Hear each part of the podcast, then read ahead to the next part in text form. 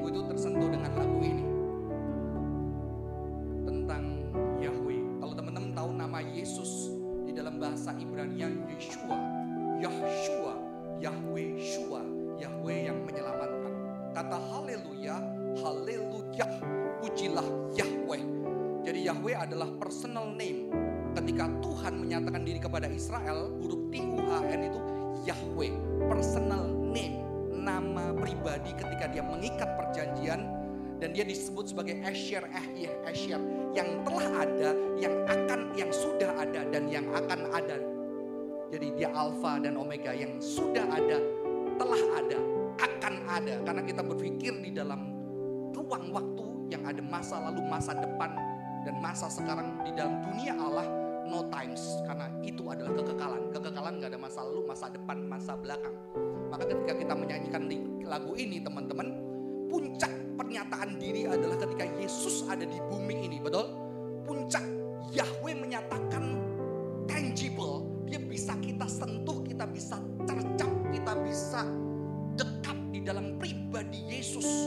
Tetapi pernyataan diri, cinta Tuhan terus ada di sekitar kita sampai hari melalui nature, melalui kadang-kadang ketika orang bertanya, Tuhan nggak ada, Tuhan aku butuh, Tuhan ada. Ternyata cinta Yahweh, cinta Kristus tetap ada melalui siapa? Melalui Anda dan saya yang memanifestasikan cinta itu. Memang lagu ini diciptakan dari teman-teman yang karismatik. Mungkin ketika mereka berpikir will manipulate himself terjadi kesembuhan, terjadi apa dan segala macamnya. Tapi saya memaknai secara berbeda. Ketika dia menyatakan dirinya sampai hari ini ketika kita worshiping God dengan perlakuan kehidupan kita melalui keadilan yang kita lakukan di dalam pekerjaan, melalui kasih dan perhatian kepada teman, itu kasih Tuhan, kasih Kristus dinyatakan terus sampai hari ini. Amin. Bukan cuma mujizat, tetapi keadilan di tempat kerja, kasih di keluarga, pengampunan karena Rafa berbicara tentang pengampunan, ya El Shaddai, kekuasaan, ada dignity ketika kita memimpin sebagai anak Tuhan. Jaireh memelihara ketika Anda jadi karyawan, ketika Anda jadi bisnismen. Kehidupan Anda dipakai untuk menyatakan pemeliharaan Yahweh di setiap kehidupan orang-orang itu yang kita nyanyikan dari ini, lagu ini. ya. Jadi dengan perspektif yang berbeda ya. Mari kita sekali lagi katakan Yahweh Rafa Elohim Shaddai Biarlah kasihnya dimanifestasikan melalui hidup kita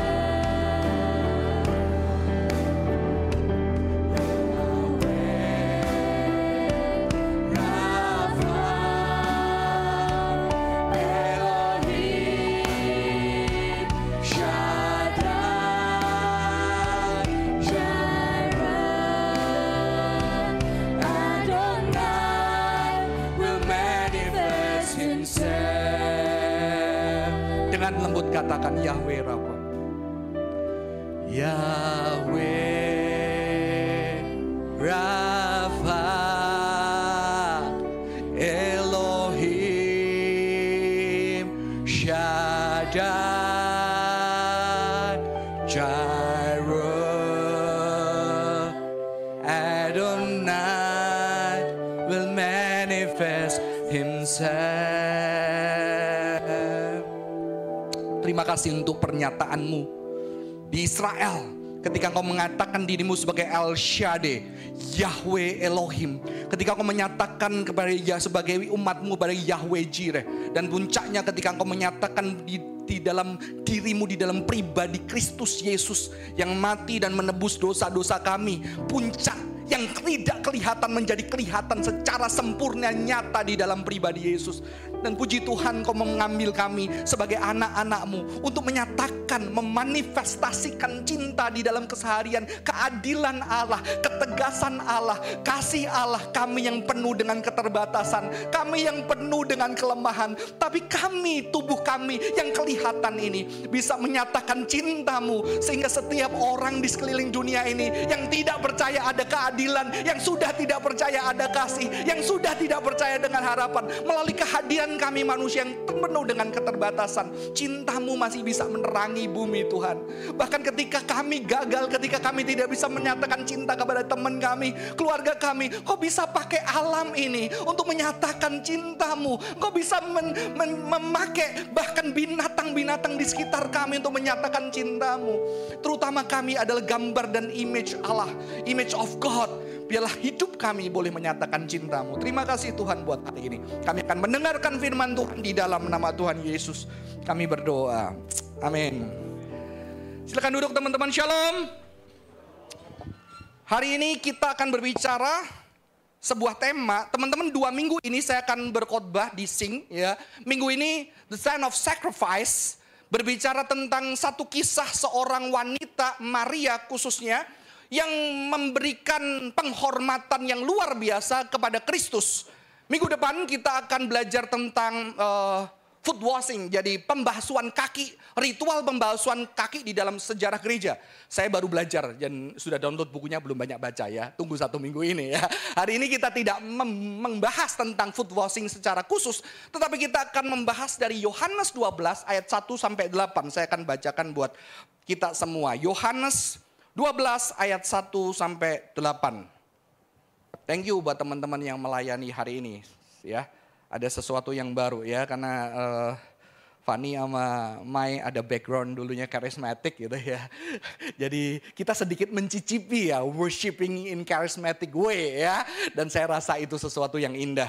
Di dalam tradisi charismatic kadang-kadang ketika jeda mereka praising God uh, tidak berbahasa roh ya. Tetapi dengan uh, pujian-pujian dan seperti kalau mereka melihat itu bermasmur mereka uh, yang seperti tadi teman-teman ya. Itu sesuatu yang indah. Kadang-kadang saya juga kangen itu ya. Terima kasih kerinduan saya terobati ya. Teman-teman hari ini kita akan membaca Yohanes 12 ayat 1 sampai 8. Saya akan bacakan buat setiap kita. Yo, enam hari sebelum Paskah Yesus datang ke Betania. Tempat tinggal Lazarus yang dibangkitkan Yesus dari antara orang mati. Di situ diadakan perjamuan untuk dia dan Marta melayani sedang salah seorang yang turut makan dengan Yesus adalah Lazarus. Ya, Marta seperti biasanya. Ya, dia tetap melayani dan aktif menyiapkan makanan. Maka Maria mengambil setengah kati minyak narwastu murni yang mahal harganya, lalu meminyaki kaki Yesus, menyekanya dengan rambutnya, dan bau minyak semerbak di seluruh rumah itu. Tetapi Yudas Iskariot, seorang dari murid-murid Yesus yang akan segera menyerahkan dia berkata, Mengapa minyak narwastu itu tidak dijual 300 dinar dan uangnya diberikan kepada orang-orang miskin? Hal itu dikatakannya bukan karena ia memperhatikan nasib orang-orang miskin, Melainkan karena ia adalah seorang pencuri, ia sering yang di dalam kas yang dipegangnya. Maka kata Yesus, biarkanlah dia melakukan hal ini mengingat hari penguburanku. Karena orang-orang miskin selalu ada padamu, tetapi aku tidak akan selalu ada padamu. Uh, sepertinya ini agak bermasalah ya suaranya mic-nya. Saya bisa minta yang lain.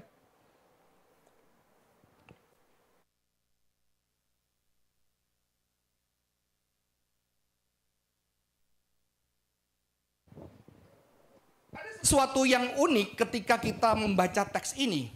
Karena penulis menjelaskan bahwa rumah itu tempat Yesus ada di sana, teman-teman. Rumah itu dipenuhi dengan bau harum. Tapi sebelum kita berbicara itu, teman-teman, ketika kita melihat teks Alkitab tadi dikatakan enam hari sebelum Paskah, ya. Artinya apa? Enam hari sebelum Paskah, biasanya orang-orang Yahudi Paskah itu mereka akan berjalan ke Yerusalem. Dan ketika di dalam perjalanan ke Yerusalem, mereka akan banyak berkumpul di Betania. Sehingga tidak heran juga Judas ngomong banyak orang yang butuh. Karena banyak strangers orang yang harus datang ke Yerusalem dan berkemah beristirahat di Betania pada masa itu. Dan di Betania pasti ada guru-guru, guru-guru Taurat Yesus juga seorang rabai bagi orang dan mereka biasanya akan mempraktekkan hospitality.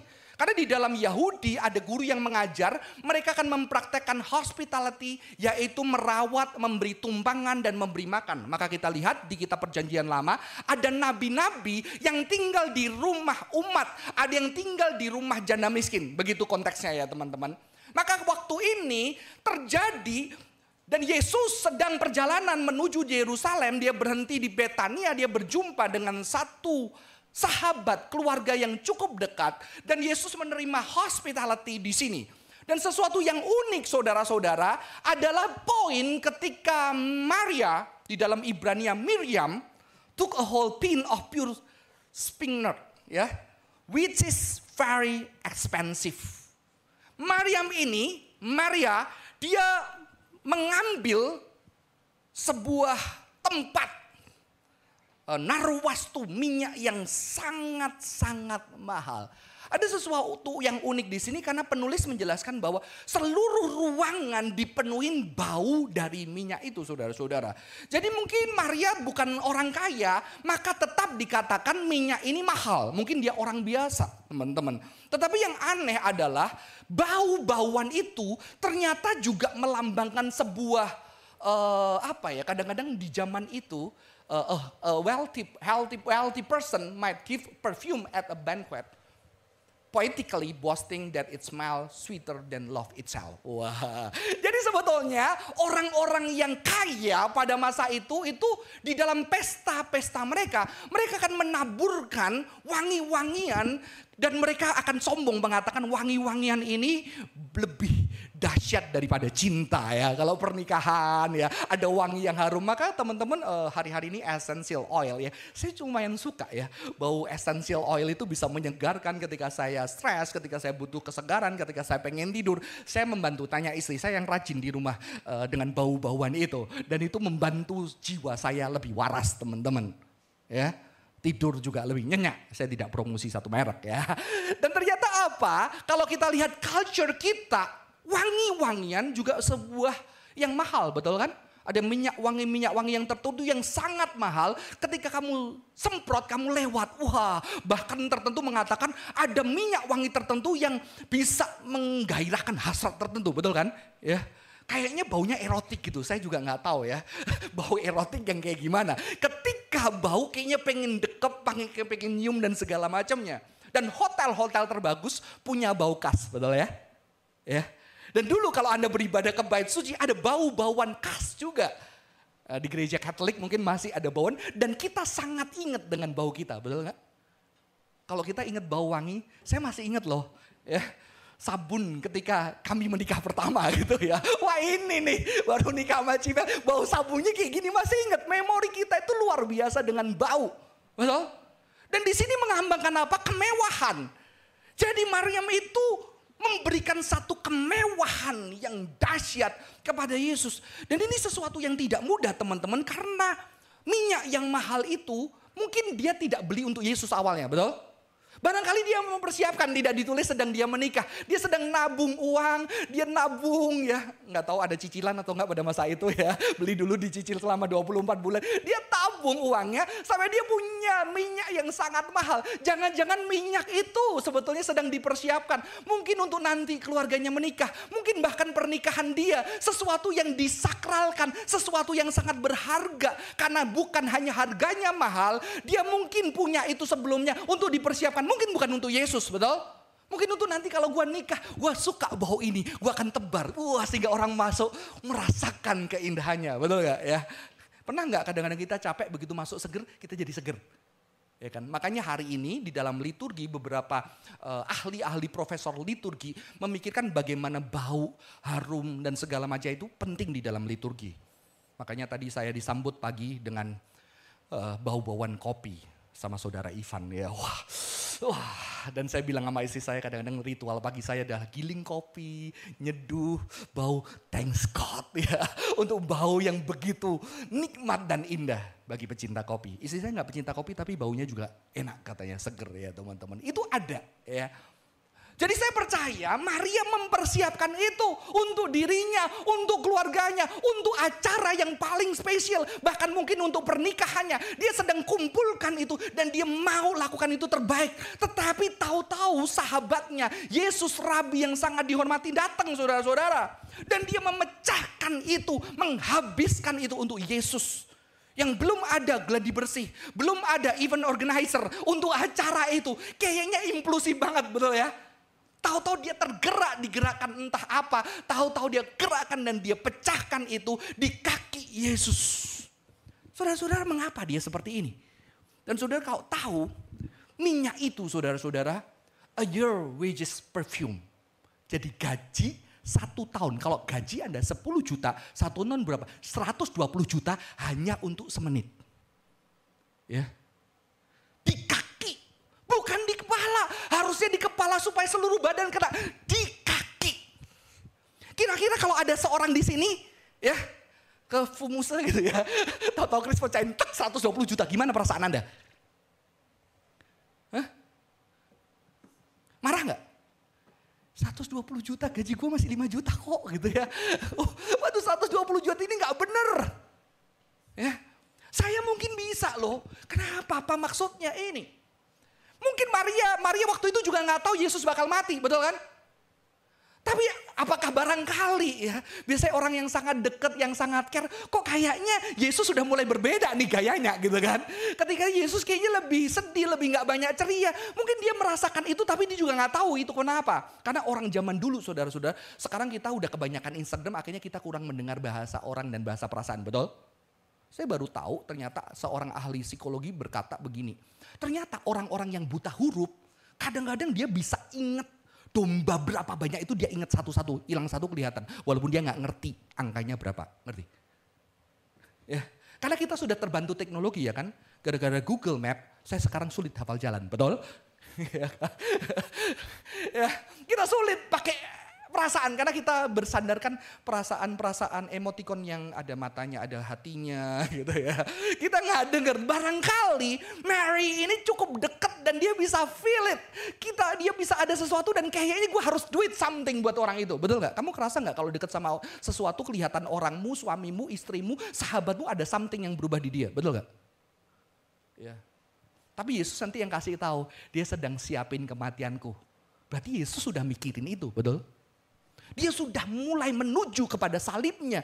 Dan ada kegentaran di sana. Dan itu tidak bisa disembunyikan dari wajah Tuhan kita. Maka kalau jadi orang Kristen jangan jaim-jaim Tuhan kita nggak jaim. Kalau sedih bilang sedih. Sedih ya? Enggak puji Tuhan gitu ya. ah gitu. Teman-teman nggak bisa. Yesus kita kelihatan maka Mary saya percaya waktu ini dia langsung tergerak otomatis karena apa? Karena ada cinta, karena ada perhatian, karena ada kedekatan dan saya mengatakan itulah intimate encounters with our loving Savior. Ya. Uh, kalau yang sudah nikah tapi nggak enak lah budgetnya berapa gitu ya nggak enak ya atau yang mau nikah nyesel nggak Chris? Sedikit kok jangan. Nyesel gak? Gak ya? Jadi cowok harus kayak gini. Walaupun gak balik modal, gak nyesel gitu ya. Karena apa? Itu hari yang kamu berikan untuk orang yang paling kamu cintai. Ya. Saya mending kalau yang udah ada budget, saya belum ada budget dulu ya teman-teman. Jadi dengan harapan, dengan iman ya. Budget ada, kehabisin budget ada, habisin teman-teman. Nggak nyesel kan? Berarti ada apa di sini? Ada cinta yang besar. Cinta yang membuat apa? Mary nggak peduli, dia udah habis, nggak peduli. Karena dia rasa itu sangat penting dan diberikan kepada orang yang sangat tepat, betul? Maka nggak akan sayang. Nggak akan sayang uang sebanyak itu. Tetapi kalau melihatnya diri kita, eh gua harusnya ini bisa buat makan satu bulan. Eh sorry ya, gitu ya teman-teman. Nggak bisa dilihat ini, kan ini karena berbicara tentang devosi, cinta.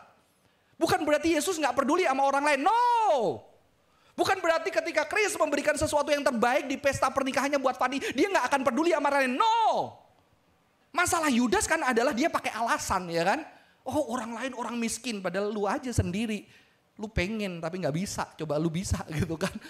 Buat diri lu sendiri. Itu lu buat diri sendiri ini buat orang yang dicintai. Jadi ada encountering antara Mary sama Jesus. Anak saya itu iseng banget kemarin tanya, Pak Yesus pernah jatuh cinta nggak? Gimana jawabnya ya? Saya cuma bilang mungkin Yesus nggak mau nikah karena nggak mau banyak wanita patah hati. Saya bilang gitu kan. Hatinya lembut banget, pasti banyak orang tersentuh. Sehingga ada teori-teori Yesus uh, pacaran sama Mary, Magdalene dan segala macamnya teman-teman. Saya saya tidak percaya itu. Tapi kalau sebagai manusia yang sempurna sejati, cinta itu wajar tapi cintanya murni. Amin. Ya kan? Dia nggak mau nanti gue tinggal mati muda teman-teman gitu kan. Ya.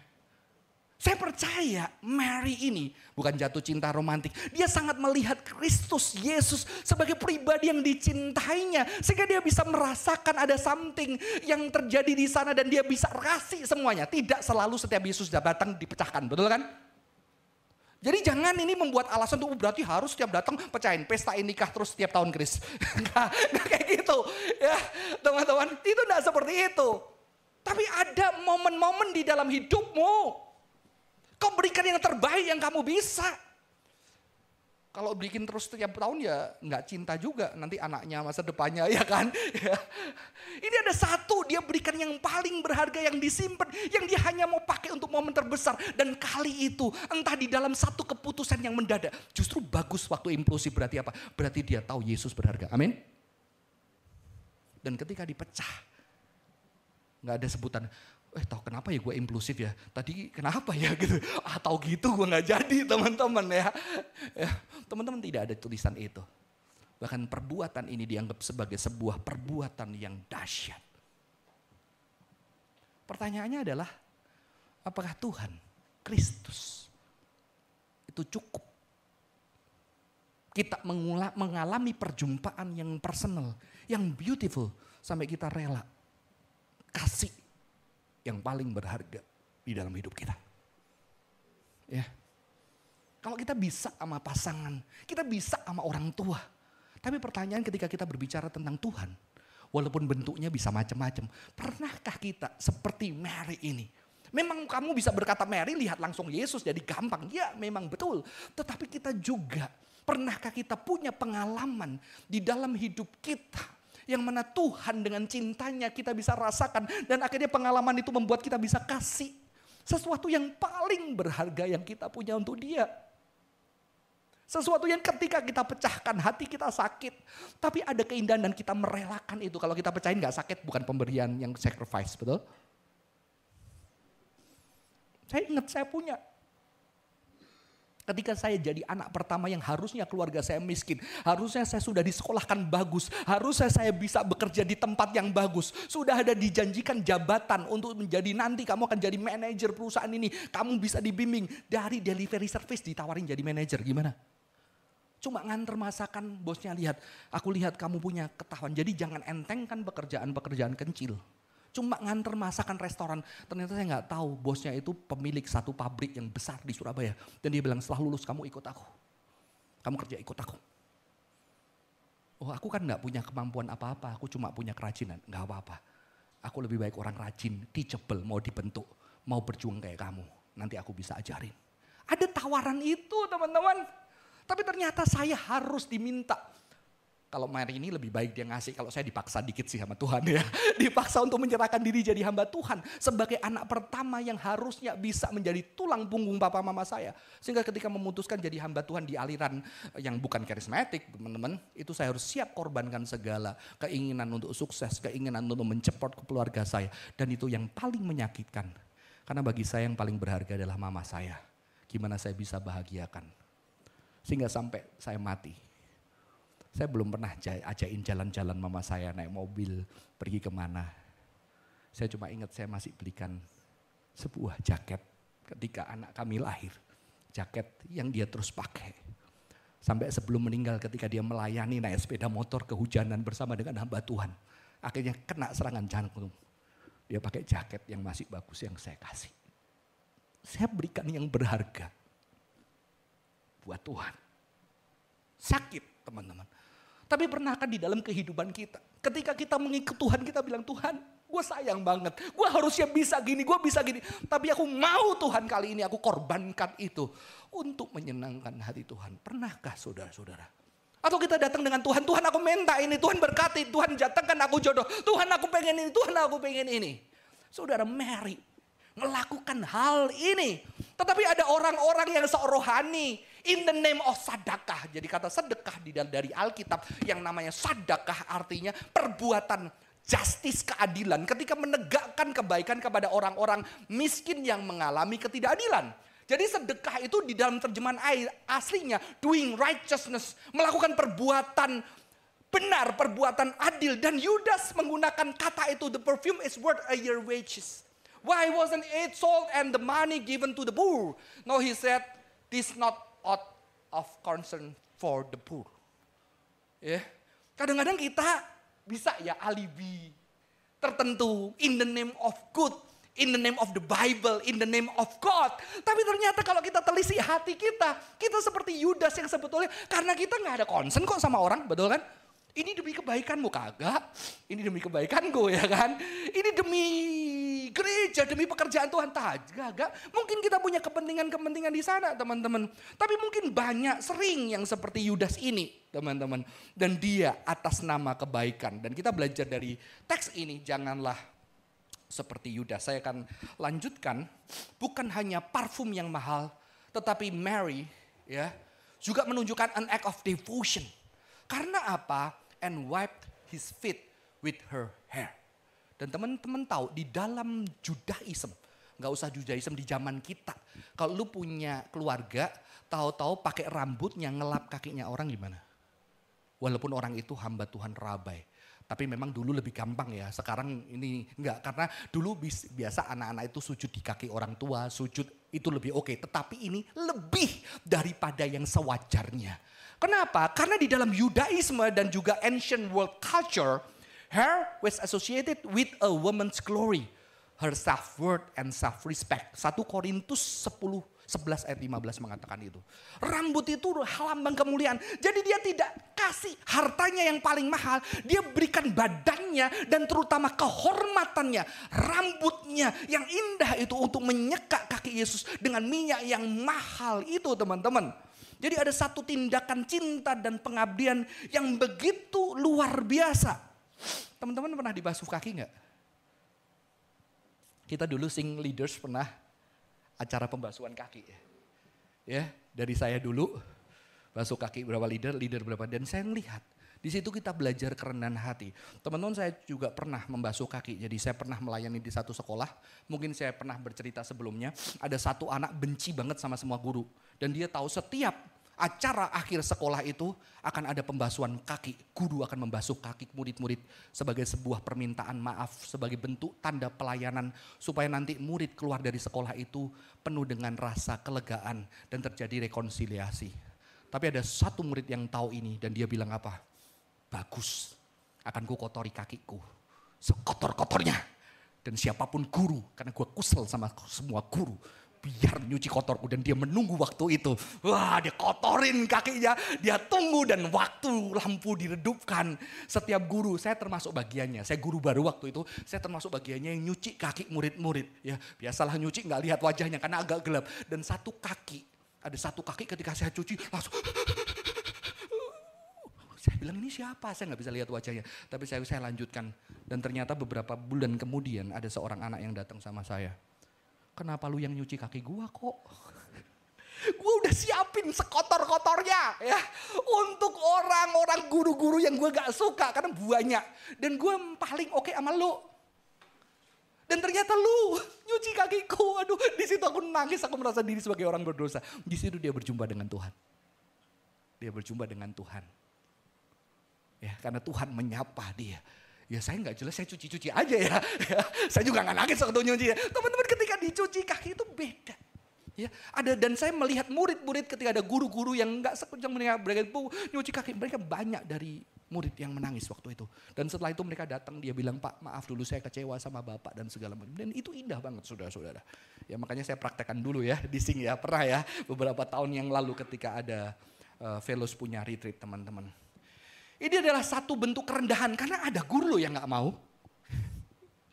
Ada yang gak mau, jangan saya, udah yang lain aja. Karena merendahkan diri, membersihin kaki. Tapi ini tidak cuma merendahkan diri teman-teman. Karena ada cinta, ada cinta di sana. Saya jadi keinget ketika saya sakit, luka. Mama saya datang pegang kaki saya, bersihin lukanya yang terus ada jana membalut dengan itunya. Wah itu ada perasaan cinta yang tidak bisa terlupakan, betul ya? Dan apakah uh, papa mama yang di sini ketika anaknya sakit bersihin kakinya, ya, apakah merasa terhina? No, karena love tapi banyak orang nggak lihat itu. Malah lihatnya, eh duitnya mahal. Gila nggak nih orang? Berarti otaknya duit, betul nggak? Ya. Tapi kalau saya melihat itu, saya bayangkan ya. Saya bayangkan hati Yesus ketika dicuci kakinya. Kira-kira gimana? Yesus silahkan cuci, kurang bersih gitu ya. Mungkin Yesus menangis. Bisa cuci kaki sendiri gak? Kenapa dia mau kakinya dicuci, bahkan disekap dengan rambut. Dan mungkin ada air mata membasahi kakinya. Mungkin Yesus menangis. Tapi dia menerima. Saya tidak pernah dibasuh sama orang tua, guru, rekan guru enggak. Pernahnya suster ketika di rumah sakit ya teman-teman ya. Tapi saya pernah mengalami sebuah tindakan, act of love. Dari seorang teman, seorang guru yang istrinya hamil akan melahirkan dan saya harus diberhentikan dari sebuah sekolah, dipecat dengan ci email yang hamil. Kita kembalikan semua fasilitas, mobil, saya naik sepeda motor. Bodohnya saya, saya dulu pengen punya cita-cita, pengen punya sepeda motor laki. Saya beli dulu, istri saya hamil, jadi dia kalau naik bonceng saya kasihan naiknya, kurang ajar cowok kayak gini ya. ya Teman-teman ketika itu, ketika saya berhenti, nggak ada kerjaan, semua tempat tertutup. Ya, kerjanya Johan cuma jadi sopirnya Cimel, sopir motor, sampai anak lahir gendong anak selama satu tahun lebih. Mau bekerja, nggak ada tempat yang terbuka. Tapi ada seorang guru yang baru melahirkan kalau nggak tahu istrinya hamil terus melahirkan. Saya tahu gajinya nggak lebih dari 3 juta. Dan dia datang ke rumah saya. Dia bawa amplop. Pak, Tuhan suruh kasih ini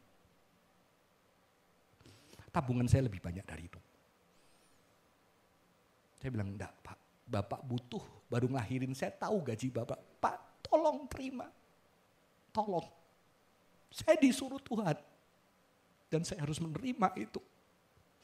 Dan saya menerima pemberian dengan tangisan karena saya punya lebih banyak. Saudara bayangkan hati Yesus. Ketika menerima itu. Saya percaya Yesus penuh dengan hati yang mungkin hancur saudara-saudara. Ketika melihat seorang wanita dengan ketulusan, dengan cinta, bahkan mungkin dengan bodohnya lo. Duitmu dikit. Tapi Yesus tetap menerima cinta seseorang dengan segala keterbatasan dan kebodohan kita. Amin. Maka kita juga harus belajar menerima cinta pasangan, ya anak, orang di sekitar kita yang kita ah ngapain sih lu, lu cinta dengan itu? Kita belajar mencintai dengan itu saudara. Dan dia menunjukkan cintanya dengan tubuhnya. Dengan bagian termahalnya. Bagian yang paling berharga. Bagian yang paling dihormati dia sekaya. Dia tunjukkan cintanya dengan hal yang terbaik yang dia punya. Dengan tubuhnya. Bukan hanya uang saudara-saudara. Tetapi seluruh tubuhnya. Dia berikan dan terutama mahkota kepalanya, saudara-saudara. Dan saya percaya Yesus tidak pernah melupakan itu. Beberapa tahun yang lalu, udah lama banget, sekarang udah ada di Netflix ya. Ada satu film yang mendapatkan penghargaan. Judulnya Departures. Film Jepang mendapatkan award di Academy Award winner ya sebagai uh, Best Foreign Language Film, saudara-saudara bukan film tentang musik tapi dia seorang uh, yang bernama Daigo, dia seorang solois apa solois dan solois main di orkestra tapi suatu hari orkestra nggak laku dan dia tutup, dia harus pulang ke kampung dan ketika di kampung dia pulang dia cari kerja. Kok ada uh, departed? Oh mungkin dia bilang travel agency gitu ya. Dia mendaftar ke travel agency, dia pikir dia mau kerja di travel agency. Ternyata ini adalah perusahaan yang memberangkatkan orang-orang ke kematian maksudnya itu nguburin orang saudara-saudara ya.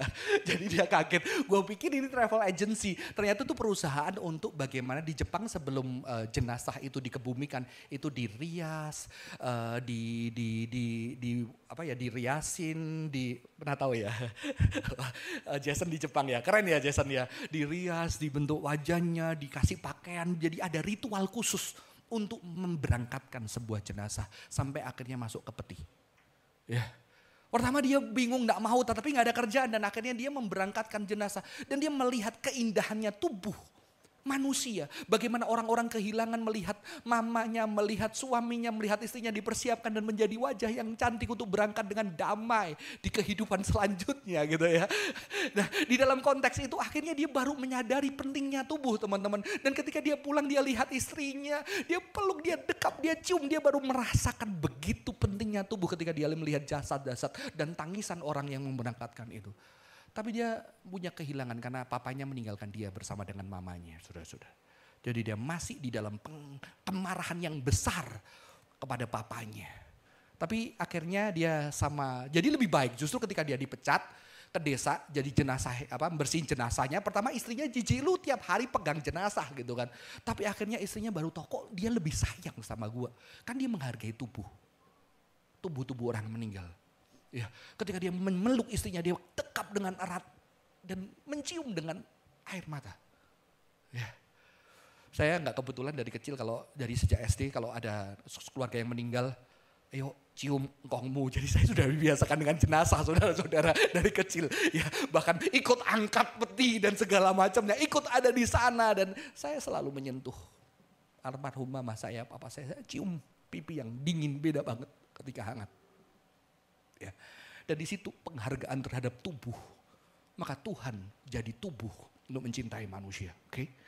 Ya, karena cinta yang begitu besar. Dan dia ngomong gini sama istrinya suatu saat ada scene ketika istrinya sempat ribut karena mereka nggak ada kerjaan dia bilang long ago before writing you send someone a stone that suited the way you were feeling from its weight and touch they know how you felt from a smooth stone they might get that you were happy or from a rough stone that you were worried about them. Wah keren ya. Sebelum ada tulisan, orang itu menyatakan perasaannya dengan bahasa batu. Ya, kalau rough berarti dia itu sedang khawatir sama kamu ya. Jangan habis ini buat ngerayu pacarnya ya. Kasih batu ya. Kasih emas. Teman-teman. Teman di ketika dikasih itu dia ngerasain dia kasih itu kepada istrinya, si istrinya. Thank you dia bilang gitu. Siapa yang ngajarin kamu ini? Yang ngajarin papaku, papa sialan. Ya itu yang cuma dikasih sama gua. Cerita yang indah, lovely banget ceritanya kata istrinya. Iya siapa yang ngajarin ya? From my dad. Dan dia benci sama ayahnya. Suatu hari dia diminta telepon untuk ayahnya sedang uh, sakit. Dia nggak mau berkunjung karena kebencian itu besar. Sampai akhirnya ayahnya meninggal, dia memutuskan dia lihat ayahnya. Dan ketika dia lihat, jenazah itu dipersiapkan, dia marah besar. Karena apa? Karena dia biasa melat, mempersiapkan jenazah yang terbaik. Karena company dia mahal gitu ya saudara-saudara. Dipersiapkan di daerah dia marah dan dia memutuskan mempersiapkan permandian dan persiapan jenazah ayah yang dia benci. Dan ketika dia mempersiapkan itu, ternyata di genggaman tangan ayahnya ada batu yang smooth. Ya, batu yang smooth menandakan ayahnya. Ternyata ayahnya nggak nikah dengan wanita lain. Ayahnya ternyata tetap hidup sendiri kesepian. Tetapi ketika meninggal dia gegem batu. Saudara-saudara, tubuh kita, pemberian kita, kasih kita, itu nyata yang kita lakukan dengan tubuh kita. Ya, ketika kita memperlakukan orang lain itu menjadi memori yang sangat penting. Kehadiran kita nanti kalau kita punya anak-anak, mendekap dia, memeluk dia, bahkan mungkin kadang kemarahan-kemarahan kita. Kita ada di sana dan itu adalah sebuah bentuk dedikasi, bentuk cinta yang nyata yang Tuhan lihat. Di dalam keseharian kita nanti kita berkeluarga bersama dengan karyawan, Tuhan lihat. Saya ingat sekali ketika jenazah uh, papa saya meninggal, saya nggak bisa nangis. Tanya Cimel, saya bingung ketika dikabarin. Saya harusnya berangkat ke Medan Sudah siap koper, siap berangkat, ditelepon papa saya meninggal.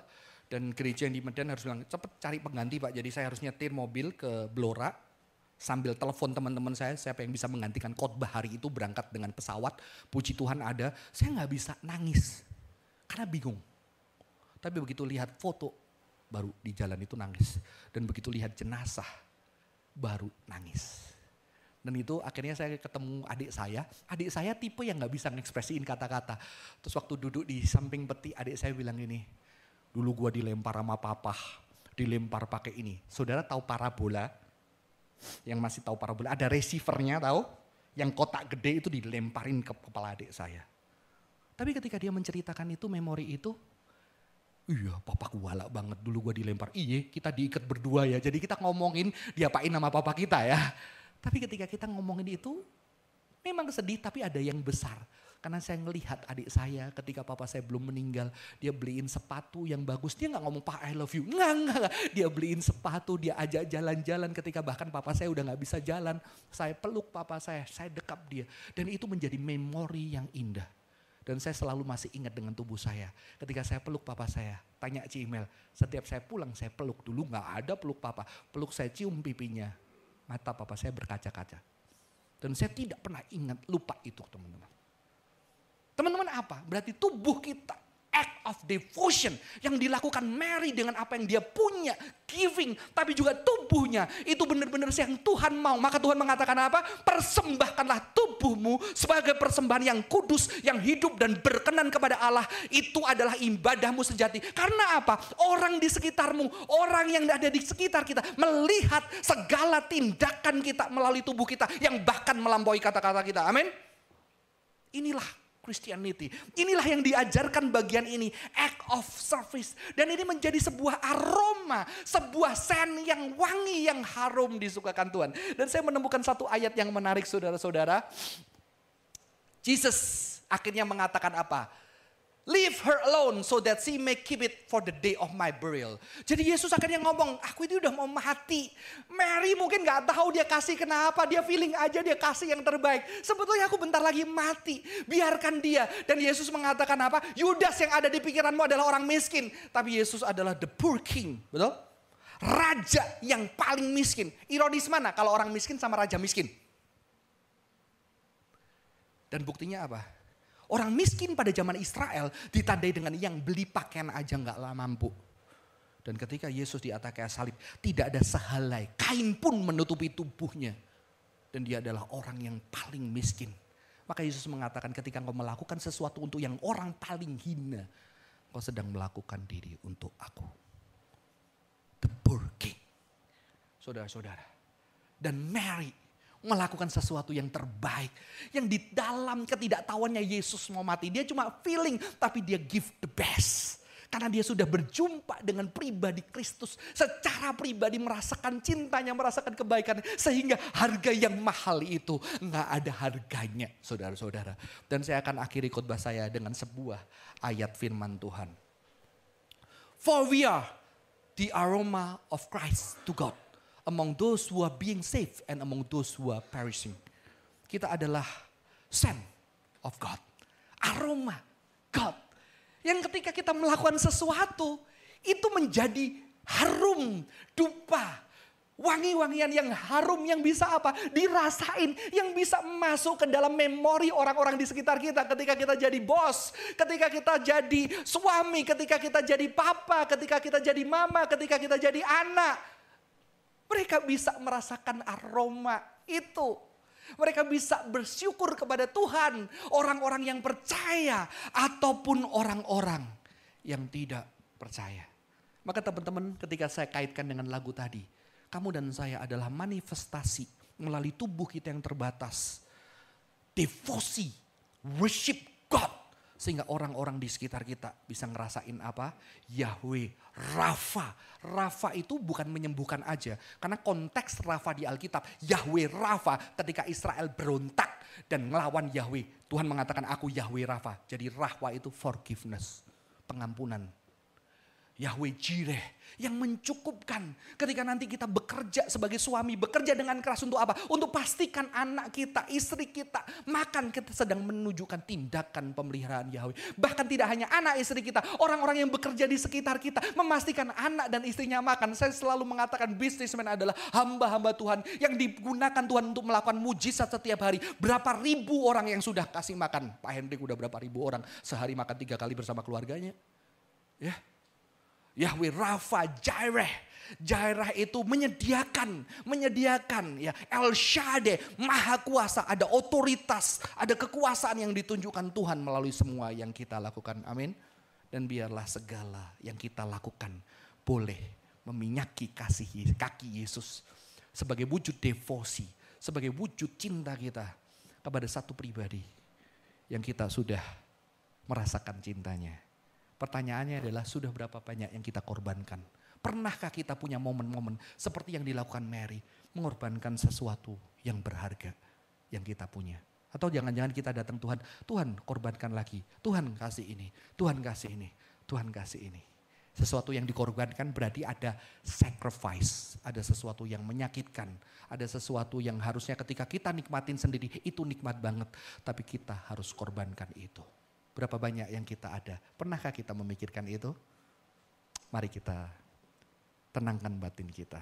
Kita menghadap Tuhan.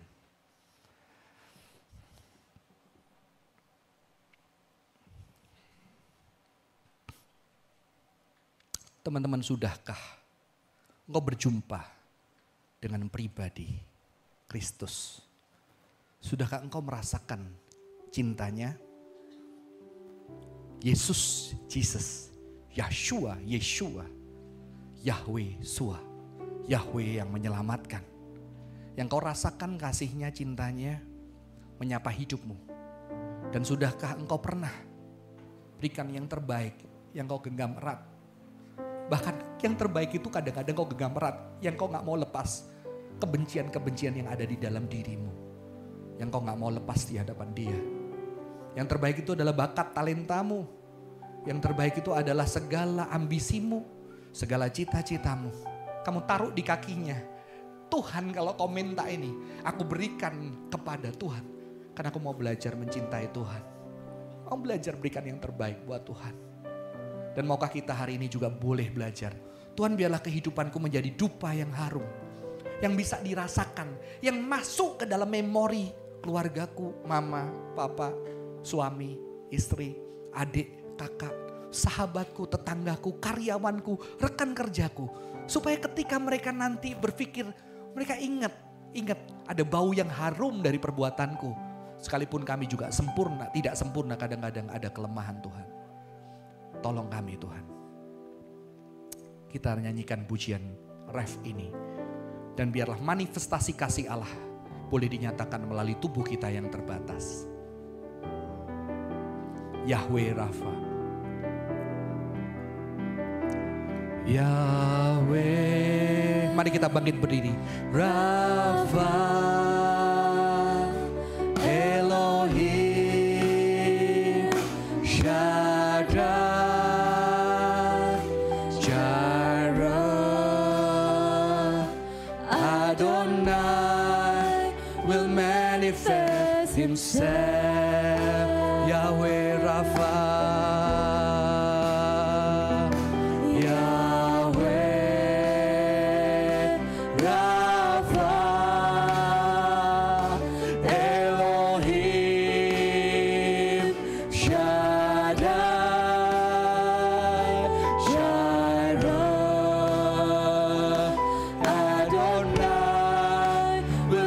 Manifest himself.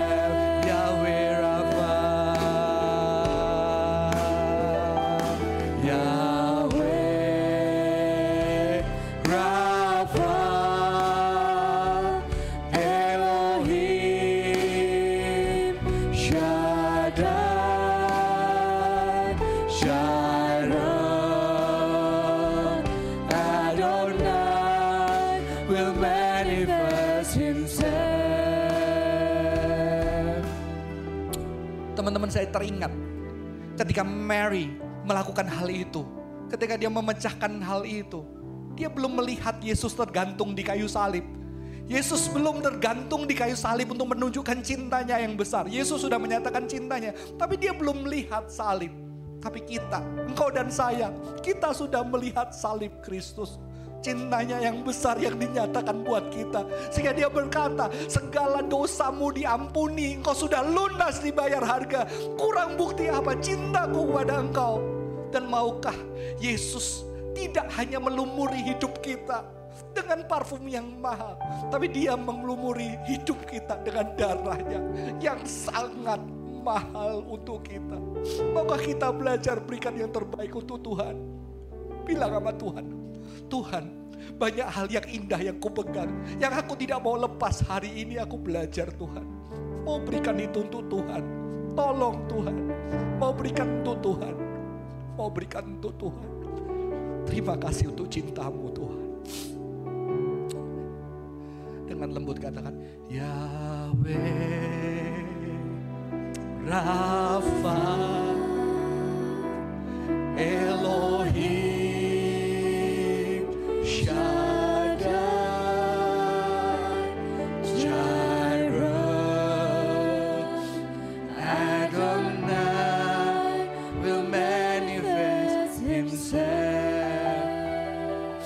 Terima kasih buat hari ini Tuhan. Biarlah kami belajar di dalam keseharian kami. Punya momen mengorbankan hal yang berharga bagi kami. Untuk membalas cintamu. Biarlah kami juga hidup kami, tubuh kami, perbuatan kami. Menjadi dupa yang harum. Yang orang bisa ingat Tuhan. Sesuatu yang baik kami lakukan. Sehingga walaupun Tuhan ada kelemahan-kelemahan, ada kesalahan. Tapi kesalahan itu tertutupi dengan dupa yang harum melalui kasih-Mu yang nyata di dalam tubuh kami Tuhan. Tolong kami Tuhan anak-anakmu. Biarlah ada harum di tengah dunia yang busuk, di tengah tempat kerja yang busuk, bau busuk ada. Biarlah aroma Kristus ada melalui kehadiran kami. Terima kasih Tuhan, terima kasih. Di dalam nama Tuhan Yesus Kristus kami percaya pengampunanmu, kasihmu ada buat kami. Dalam nama Tuhan Yesus Kristus kami berdoa. Amin. Tuhan Yesus memberkati kita. Silahkan duduk. Teman.